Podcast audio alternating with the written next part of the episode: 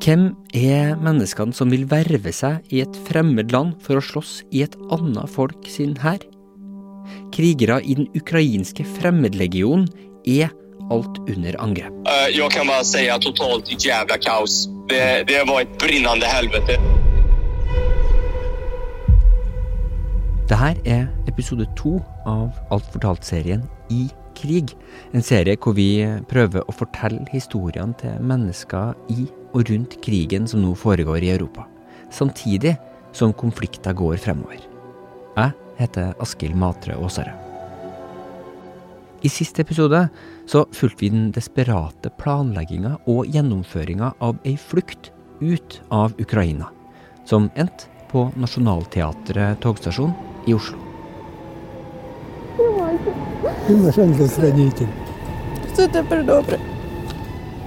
Men samtidig som Aliona prøvde å få foreldrene sine ut av landet, så var det mange som entusiastisk prøvde å komme seg inn gjennom akkurat det samme grenseområdet.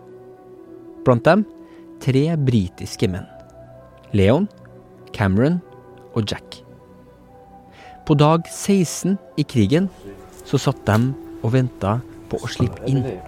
It's all a bit, it's all a bit crazy. I It's mean, all a bit mad, yeah. it's in, in two weeks ago. This wasn't even even you know in anybody's mind this was going to happen, and now two weeks later, here we are in a hotel on the border of Ukraine, Ukraine. waiting to go. It's going fight, yeah. Bare noen få dager etter dette opptaket så kom krigen til å innhente i alle fall to av de her britene. by eight missiles fired at a military training facility around 25 miles west of the city.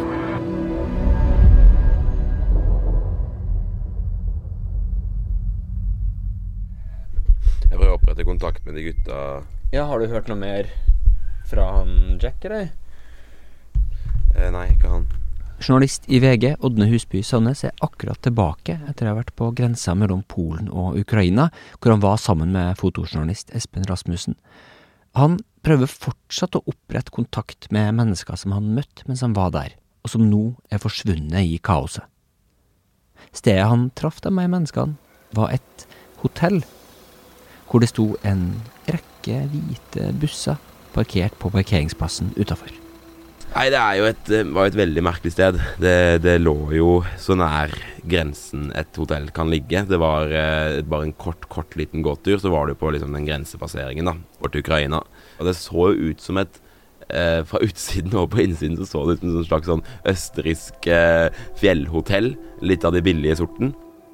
Ved inngangen til dette hotellet så sto det en mystisk mann i en lang, blå boblejakke og røyka i det kalde snøværet. Nei, dette var jo en mann vi traff eh, ganske Så med en gang vi kom inn på dette hotellet som eh, vi hadde hørt først rykter om at eh, Eller egentlig fått bekrefta på vei i bilen fra Warszawa at var et av de såkalte meeting pointsene, altså de møtestedene for fremmedkrigere som eh, vil gå i krigen i Ukraina. Eh, det hadde vi da gjennom eh, å ringe i alle mulige retninger klart å få adressen til. Det var jo noe man ikke de ønsket at vi skulle ha. Så når han kom inn og skjønte at vi var journalister, så gikk det, så så man liksom åh, nei. Ja. Eh, jeg tror ikke han var veldig fornøyd med det. Men likevel så var den da mannen som vi senere også skulle skjønne at var en ukrainsk offiser, han presenterte seg iallfall som det overfor flere av de som var der, eh, fortalte de oss. Eh, at eh, han var en veldig veldig, veldig profesjonell karakter. Altså, han var liksom en person som eh, han, han gikk han, han marsjerte nærmest rundt på det hotellet og beveget seg på en måte som et spøkelse mellom disse bordene og fortalte dem informasjon. Eh, var veldig sånn Veldig sånn fin å snakke med. Sånn, vi snakka også med han, men da var han veldig tilbakeholden og veldig, veldig sånn høflig og hyggelig, selv om han nok mislikte sterkt at vi var der. Og, og, og liksom sånn Men samtidig så hadde han en beskjed da som, eh, som skulle på en måte ryste ganske mange av de som kom dit. Ådne og Espen de satte seg for å varme seg inne i foajeen. Eh, og når du kom inn der, så var det en bar. Det lukta Fettet satt godt i veggene. Mens personalet var veldig hyggelige. Eh, og det var liksom sånn eh, Ja, det var veldig sånn alpefølelse, skilodge-følelse. Og der satt liksom trailersjåfører og familier. Og så med en sånn merkelig miks av liksom ulike erfarne eller helt totalt uerfarne soldater i ulike slitte kammo-uniformer og utstyr, da. Eh, Ja. ja. Så det her, og der er det døgnåpen bar, og det er liksom eh, Virker å være veldig mye liv, og en sånn Du beskriver nesten en sånn litt sånn elektrisk stemning der. Altså, hvordan var atmosfæren når det kom nye folk hit? Kan du beskrive liksom? Nei, det var jo Jeg vet ikke om dette uttrykket her kommer med. Litt sånn, sånn guttastemning, da, for å si det sånn. Ja. Eh, altså Det var jo veldig mange som kom dit og liksom rett i baren. Eh, de kanskje mer eh, som var der på Noen kjøpte vodkashots, andre kjøpte øl. Eh, men det var også sånn veldig sånn guttastemning i forbi- i forbindelse med militæret. da Altså De som hadde erfaring, var sånn veldig seriøse. Satt og hadde møter. Hvordan skal vi gjøre dette her? Eh, mens andre var liksom der på tur, nærmest. da Og Ja. det, det, det fremsto sånn, ja, eh, som veldig sånn god stemning eh, og sånn i restauranten der. Eh, og så var det også eh, mye usikkerhet, og fremsto som at ganske mange hadde eh, ikke forberedt seg i det hele tatt. Ikke på en måte tatt inn over seg alvoret, på en måte, og heller ikke eh, forberedt seg ved å på en måte lese opp på dette her, da. Men hva sier de Altså Det er jo en stor og veldig sammensatt gruppe, som du sier, men hva sier de om hvorfor de vil krige? Eh, for meg så var det eh, oppsiktsvekkende hvor ærlig jeg følte mange av dem var, da. Eh, altså selvfølgelig hadde alle en sånn jeg hater Putin, eh, Ukraina virker som et flott land, eh, tankegang. Vi må redde de før han tar resten av verden. Altså de type forestillingene der. Eh, og at eh, noen av dem elska Ukraina, hadde veldig godt forhold til Ukraina. Men så var det sånn Ofte sa de de grunnene der først, og så var det sånn Men jeg savner å være militær. Jeg savner krigen, jeg savner spenningen, jeg savner adrenalinet. Jeg klarer ikke å gå tilbake til hverdagen min. Det var det ganske mange av de som, med erfaring som sa. Og så var det mange av de også som ikke egentlig hadde krigserfaring, men som hadde militærerfaring, som savnet militæret, savnet brorskapet, savnet eh, Og som, som for eksempel eh, Adam fra Polen sa, eh, som var en sånn eksmilitær fra Polen som nå hadde jobba som kom rett fra snekkeroppdrag i Norge, sa at eh, dette er en opplevelse du ikke kan kjøpe. Eh, dette er en opplevelse du må fortjene. Ikke sant? Ja. At det er litt den, den derre De kalte det en opplevelse, en spenning, et uh, utløp for adrenalin i kanskje det som for mange levde ganske kjedelig liv, da, som de selv ga uttrykk for. da My boring. So Britain it boring. Definitely. It's just it's the same routine every day of your life. I mean, I'm, I'm 23 and it's even at this age, it's just I'm stuck in a routine now where I go to work. Det her er tre mennene som Odne møtte i baren på hotellet. Britene du hørte på starten, og som også hadde rømt fra kjedelige Storbritannia. You know, you're working to live, you're not living to work. De satt og jekka seg noen øl. Alle tre var i 20-åra fra forskjellige steder midt i England. Nottingham. Derby. Ådne tegner dem her opp som tre forskjellige typer. Du hadde på en måte litt sånn idealistiske Leon som elsket Ukraina. Han hadde passet sitt full av stempler fra Ukraina. Liksom Alle ferier han hadde vært i Ukraina, elska det landet. Og liksom eh, sto liksom og øh, frydet seg over Tinder-matcher han hadde fått, da. På, på andre siden da liksom Han eh, satt i Polen og fikk Tinder-matcha i Ukraina? Ja, med Tinder Gold, sa han. Jeg har ikke erfaring med Tinder så veldig mye, men altså, ja, noe sånt. Og så hadde du på en måte Cameron, som virket litt sånn som mange andre også var det. Litt sånn veldig hyggelig og snill gutt, men gutt, han var jo 23-24 år gammel. Men sånn eh, litt sånn rådvill. Hjem i England så jobba Cameron for bare to uker siden som rekrutterer av lærere og forelesere til utdanningsinstitusjoner, samtidig som han fulgte med på invasjonen av Ukraina via dataskjermen. I'm a recruiter. Yeah, for education, so I recruit like teachers and college lecturers, university lecturers and stuff I like just- that. Time last week, I was watching it at my desk at work. I was watching Invasion. Mm. At work on my computer. Og var nok veldig kanskje den mest usikre av dem. På en måte på hva er det jeg er med på, hva er det jeg skal Herregud, nå er det krig. Altså det gikk liksom Jeg følte nesten det gikk opp for han mens vi var der, hvor alvoret i situasjonen, da. Og så hadde du liksom muskelbunten Jack fra Stoke. Eh, 29 år gamle Jack som gikk i krigen for første gang da han var 18 i Afghanistan, og den andre runden da han var 21. Eh, han var et eh, Han hadde en mentalitet som jeg tror kanskje mange sånne soldater har. da At det på en måte Han var ikke redd for å gå i den krigen. Jack var mest spent på hvordan denne krigen kom til å være annerledes fra det han alt hadde opplevd. That was more like uh, suicide bombers. Yeah. Um, suicide bombers, yeah, and stuff like that, than actually getting shot. So it was like the, the, the fear of getting a suicide bomb. Yeah, yeah. Well, we did. We had we our sergeant major got killed through a suicide bombing. Um, but obviously, things like that you can't you can't control. De tre engelskmennene var fortsatt usikre på hva som kunne være konsekvensene for dem om de verva seg til krigen. It's, it's strange. So, I think it, I don't know who it was. It might have been our Minister of Defence. She said that It was their foreign secretary. said that it's okay, but then when we left, we got given a letter saying that when we return, we could be prosecuted on war crimes. Hmm. So it, I don't know. It's just a bit. It's a bit hit and miss, really, as to what what's allowed and what isn't allowed, like in the eyes of the British law. But then you know you've got someone in government saying that we can. as well. That is fucking. I love Tisky. Tisky's lovely.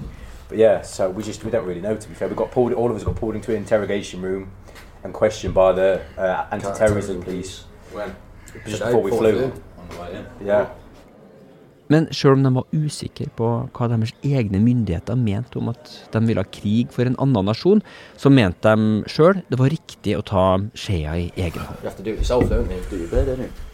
We hope that if it was the other way around, vice versa, that the same people have the same mindset towards Yeah. us, and you know, If we ever got invaded, we like to think the Ukrainians would come and help us. Do you know what I mean? So just returning the favour. It's like World War Two, innit? They come and flew for us in the Battle of Britain and stuff. So they're getting invaded now. It's only right we come and fight for them. Det, det er jo slik at veldig mange fremmedkrigere ender jo opp med å, med å dø fordi at de reiser i krigen uten noe som helst erfaring, mange, eh, tidligere. Så det er, det, det er jo et, det er jo et eh, det er veldig risikosport, eh, det de driver med. Og Én av tre, sier du, altså fra spanske borgerkrigen og frem til i dag, så er det statistikk som sier at eh, ja, av tre fremmedkrigere dør i, i kriger. Altså, var det noe de reflekterte rundt dem du snakka med? Altså den reelle faren for å dø? Altså kanskje til og med høyere statistikk enn for vanlige soldater i en, en krig? Fremmedkrigere er enda mer utsatt? Nei, det, var, det, det var det som slo oss mest, og som vi på en måte kanskje ble vant med i løpet av de fire dagene vi bodde på det hotellet, var jo hvor lite de hadde reflektert over disse spørsmålene, mange, da. At det var veldig sånn, ja, som sier, veldig idealistisk, veldig spontant, veldig sånn Jeg bare reiste ned her, og nå er jeg her, jeg vet ikke noen ting. Jeg fant en informasjon på Reddit, jeg leste en signalgruppe, jeg leste en telegramgruppe. Altså sånn En avgjørelse jeg aldri ville tatt, da, personlig. Altså sånn veld, veldig sånn Jeg ble sånn overrasket, da, over det. I dagene mens Ådne og fotograf Espen var på hotellet på grensa, så begynte de å legge merke til den merkelige mannen de hadde sett med en gang de ankom. Han i boblejakka. Han som virka å jobbe for den ukrainske hæren. Så så vi denne mannen da, eh, med den lange, litt sånn feminine blå boblejakka, vandre rundt eh, bordene. Og så, så så vi liksom stemningen ble litt sånn Fra å gå fra å være ganske sånn oppglødd, eller glødende og, og litt sånn her eh, Nå er vi her, nå er vi klare. Så blir bli litt sånn tankefull, litt sånn lavmælt og så litt sånn spørrende. Hørte dere, var det det han sa? Og han ville jo aldri helt si til oss direkte hva dette dreide seg om, men jeg må innrømme at jeg overhørte en del av disse samtalene og prøvde å få med meg hva det var. Det Ådne overhørte, var detaljene om en kontrakt. En kontrakt som alle som ville verve seg til den ukrainske hæren, måtte signere. kontrakten, den gjelder for martial law, som det var han sa. Eh, og det på norsk er kanskje en litt sånn dårlig oversettelse, men eh, kanskje forståelig, er krigslover. Altså, i Ukraina så gjelder nå krigslover. Det er ikke de sivile lovene som gjelder, det er militæret som styrer landet. Ukrainske menn mellom 18 og 60 får ikke lov til å forlate landet. Det er å desertere. Altså det er å, eh, de, å desertere i Ukraina, det er kjempealvorlig. Da har jeg lurer på om det er offiserer fått en rett til å kunne skyte deg på stedet hvis du på en måte har en eh, tanke eller det er klart at du skal gjøre det. Så det gikk nok opp for dem at oi, eh, jeg mange, hadde av en eller annen grunn, jeg vet ikke hvorfor, fått inntrykk av at man kunne være der i én måned, to måneder, tre måneder, så lenge man ville. Seks måneder, så reise hjem, komme, og reise tilbake. For de tre britene så gjorde den nye informasjonen om kontrakta at ting ble hakket mer virkelig. Før så hadde avtalen de måtte inngå som fremmedkrigere i Ukraina fremstått som litt mer abstrakt. it hit home a lot Hit home more. a bit, yeah. Yeah, it's a bit more Because like- obviously we come not knowing what to expect, but I did hear. Uh, it's like one of my mates back home has said about having, having signed a contract, but obviously it's now a year and now um, we've heard it. Um, tells it over a bit more. To yeah. hear that but it then- hasn't been all that clear really up until we, we just know that we're coming here, getting transport to here. We, we the unknown. You know what I mean? We don't really know what to expect. Det var liksom den kontraktslengden. Eh, ikke at det, risikoen var enorm. Den tror jeg ikke hadde gått opp for dem ennå. på en måte At det er krig, liksom. Det er Russland som kriger Ukraina. Sånn, flere sa 'jeg er villig til å ofre livet mitt, men ikke i seks måneder'. Eh, altså sånn Kanskje noen fikk en grunn til å trekke seg. Litt det jeg også skjønte, at nå har jeg kom, I got this far. Eh, og jeg kan ha på en måte vist litt sånn frem til folk at jeg tør å komme hit. Og så får jeg sånn Oi, da må jeg være her helt til eh, krigen er over. Det må jo folk skjønne at jeg kan ikke det. Men hva skjer med dem du har du snakka med, da? Altså, hva- gjør dem når de får den her informasjonen? Sånn som Jack Cameron og, og, Lean? Nei, altså eh, Jack er litt sånn Han med krigserfaring og muskelbunten fra stokk. Han er sånn Ja, ja, sånn er det. Det, det skjønner jeg. Det er sånn det må være, liksom. Ja, det høres lenge ut, liksom, men jeg tar det. Og Leon er fremstår for meg som en fyr som er sånn Ja, da er det sånn. Jeg, jeg skal her og få statsborgerskap. Jeg har, livet mitt i Storbritannia suger. Jeg skal ned her. Mens Cameron blir veldig usikker. Han blir sånn eh, Han blir veldig usikker. Du ser han er tankefull. Du ser på bildene som eh, kollega Espen har tatt, at han liksom Du ser usikkerheten i portrettet med de tre, eller det bildet med de tre. At liksom Jack er den kampvillige, Cam Leon er litt sånn idealistisk, mens Cameron sitter der og er litt sånn Han er sånn Du ser det i det stillbildet. Veldig, mek veldig mektige bilder.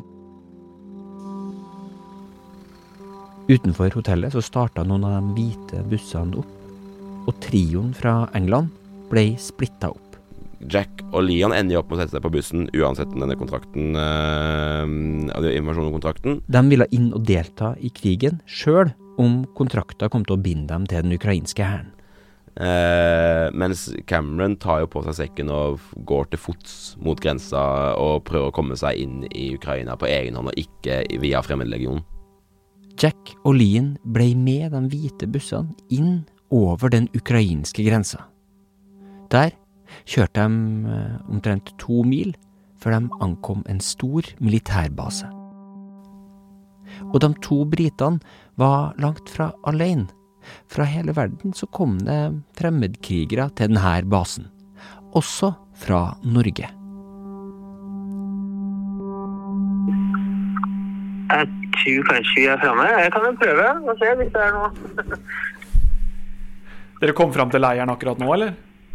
Eh, ja, eller vi prøver i hvert fall. Der er Fredrik. Han er en nordmann i 40-åra som hadde verva seg til den nyoppretta Fremmedlegionen i Ukraina.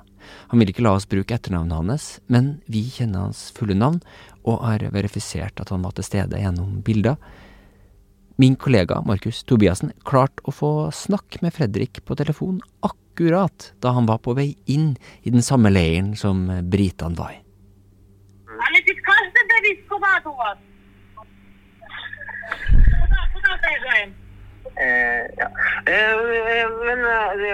jeg Jeg kan eh, Jeg tror jeg skal inn i leiren her nå. vet du. Har du tenkt noe på en måte hva, hva tror du vil møte deg i Ukraina? Eh, egentlig så har jeg ingen idé om hva de har tenkt å sette oss til, eller hvor vi skal være. Så det, Og kan du kort fortelle meg hvorfor du har valgt å dra? for det hjelper Ukraina. Der inne i leiren, mellom gule militærbygg og utendørs treningsanlegg, så skulle bl.a. fremmedkrigere signere sine kontrakter, og tilsynelatende trenes opp. Nei, det som skjer bare et par dager etter at vi forlater hotellet, og vi forlater Chris og vi forlater Jeremy, er jo at uh, denne basen, som er ganske stor, blir truffet av et russisk angrep. Ukraine says 35 people have been killed in a Russian missile attack on a military base in the far west of the country, close to the border with Poland. Klockan fyra i natt så vaknade vi av eh, explosion. Dette er et intervju med den svenske fremmedkrigeren Jesper Søder, som var til stede under det russiske angrepet på basen. Kollegaen vår i VG, Amund Bakke Foss, snakka med han samme dag som angrepet skjedde. Eh, uten siren, ingenting. Bare direkte explosion som träffade en av våra huvudbyggnader i basen, ungefär 70 meter ifrån där vi sov. Eh, det var folk i de barackerna. Och efter detta så kom det fler bomber och fler bomber och alla sprang ut i panik för att skydda sig och gömma sig i närliggande skog och områden. Jeg jag ja, hoppade ner i ett dike typ, eh, typ 100 meter ifrån basen generellt och bara låg mot marken. Eh, kan kan si at totalt jævla kaos. Det, det var et brinnende helvete. Vi kan ikke bekrefte alle detaljer i det Jesper Søder sier her. Ifølge russiske myndigheter så har flere utenlandske soldater blitt drept i angrepet. I tillegg så ble et stort lager av utenlandske våpen ødelagt, sier de. Ukrainske myndigheter sier at minst 35 personer ble drept og 134 såra i angrepet. Hvor oppi alt det her de to britene var, det vet vi ikke. Det var säkert hundratals där som inte hade någon utbildning eller de hade ingen vapen, ingenting. Uh, och samtidigt ska vi skydda dem ifrån uh, luftmissiler, vi ska skydda dem ifrån kanske uh, ja, att de kommer hoppa in fallskärmsjägare. Ifølge fremmedkrigeren Jesper Søder så var det altså en stor gruppe vestlige soldater som han sier, som kom seg ut, og som nå er i Polen i sikkerhet. Da jeg snakka med Ådne i studio i Oslo, så prøvde han fortsatt å opprette kontakt med Lian og Jack. Altså dem som hadde reist inn til basen om bord i en hvit buss. Jeg prøver å få snakket med dem. Eh, Jeg har også fått høre rykter om, eller noen som fra tredjehånds, andrehånds, at også andre jeg har snakket med, også kom til skade eller var involvert i angrepet. For mange av dem var jo åpenbart der, de var jo der og trente. Så uh, Nei, det er utrolig dramatisk, altså. Så krigen innhenta dem ganske fort, da, med en gang de Ja, det gikk jo bare grensa? timer før at den risikoen som jeg kanskje synes at mange av dem ikke hadde tatt helt inn over seg, da, virkelig traff dem uh, i form av et bombeangrep. Mm. Søndag kveld, ti over halv ti, altså samme dag som angrepet, så fikk Ådne en SMS fra Jack, altså Afghanistan-veteranen fra Stokes. Safe in Krakow now. 35 of us made it out to the border. Da Odne prøvde å få vite mer om flukta, så svarer Jack kort. They just bombed the hell out of us. Så Jack og Lian er ute av Ukraina nå, virker det som, mens Cameron, som gikk til fots inn i landet, skal være i byen Lviv. Fredrik fra Norge er også i Polen. Du prøver å komme oss videre. Jeg vil bare si at det er ok, og du burde advare folk om ikke komme inn. Ja. Hvorfor det? Eh, fordi de bryr seg ikke om oss. Mm. På hvilken De, de, de, alle ukrainerne evakuerte tilbake så var så svære russbåter eller noen ting, så de bare snakka om hvor svære. Så vi, vi kom oss ut en gruppe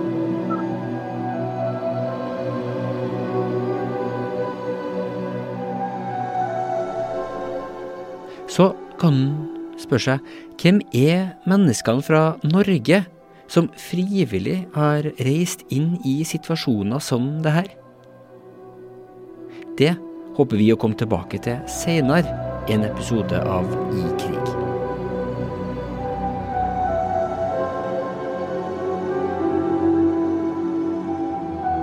Denne episoden er laga med hjelp fra Ådne Husby Sandnes, Amund Bakkefoss, Espen Rasmussen, Lara Rashid, Runa Victoria Engen, Ola Haram og Ronny Berg.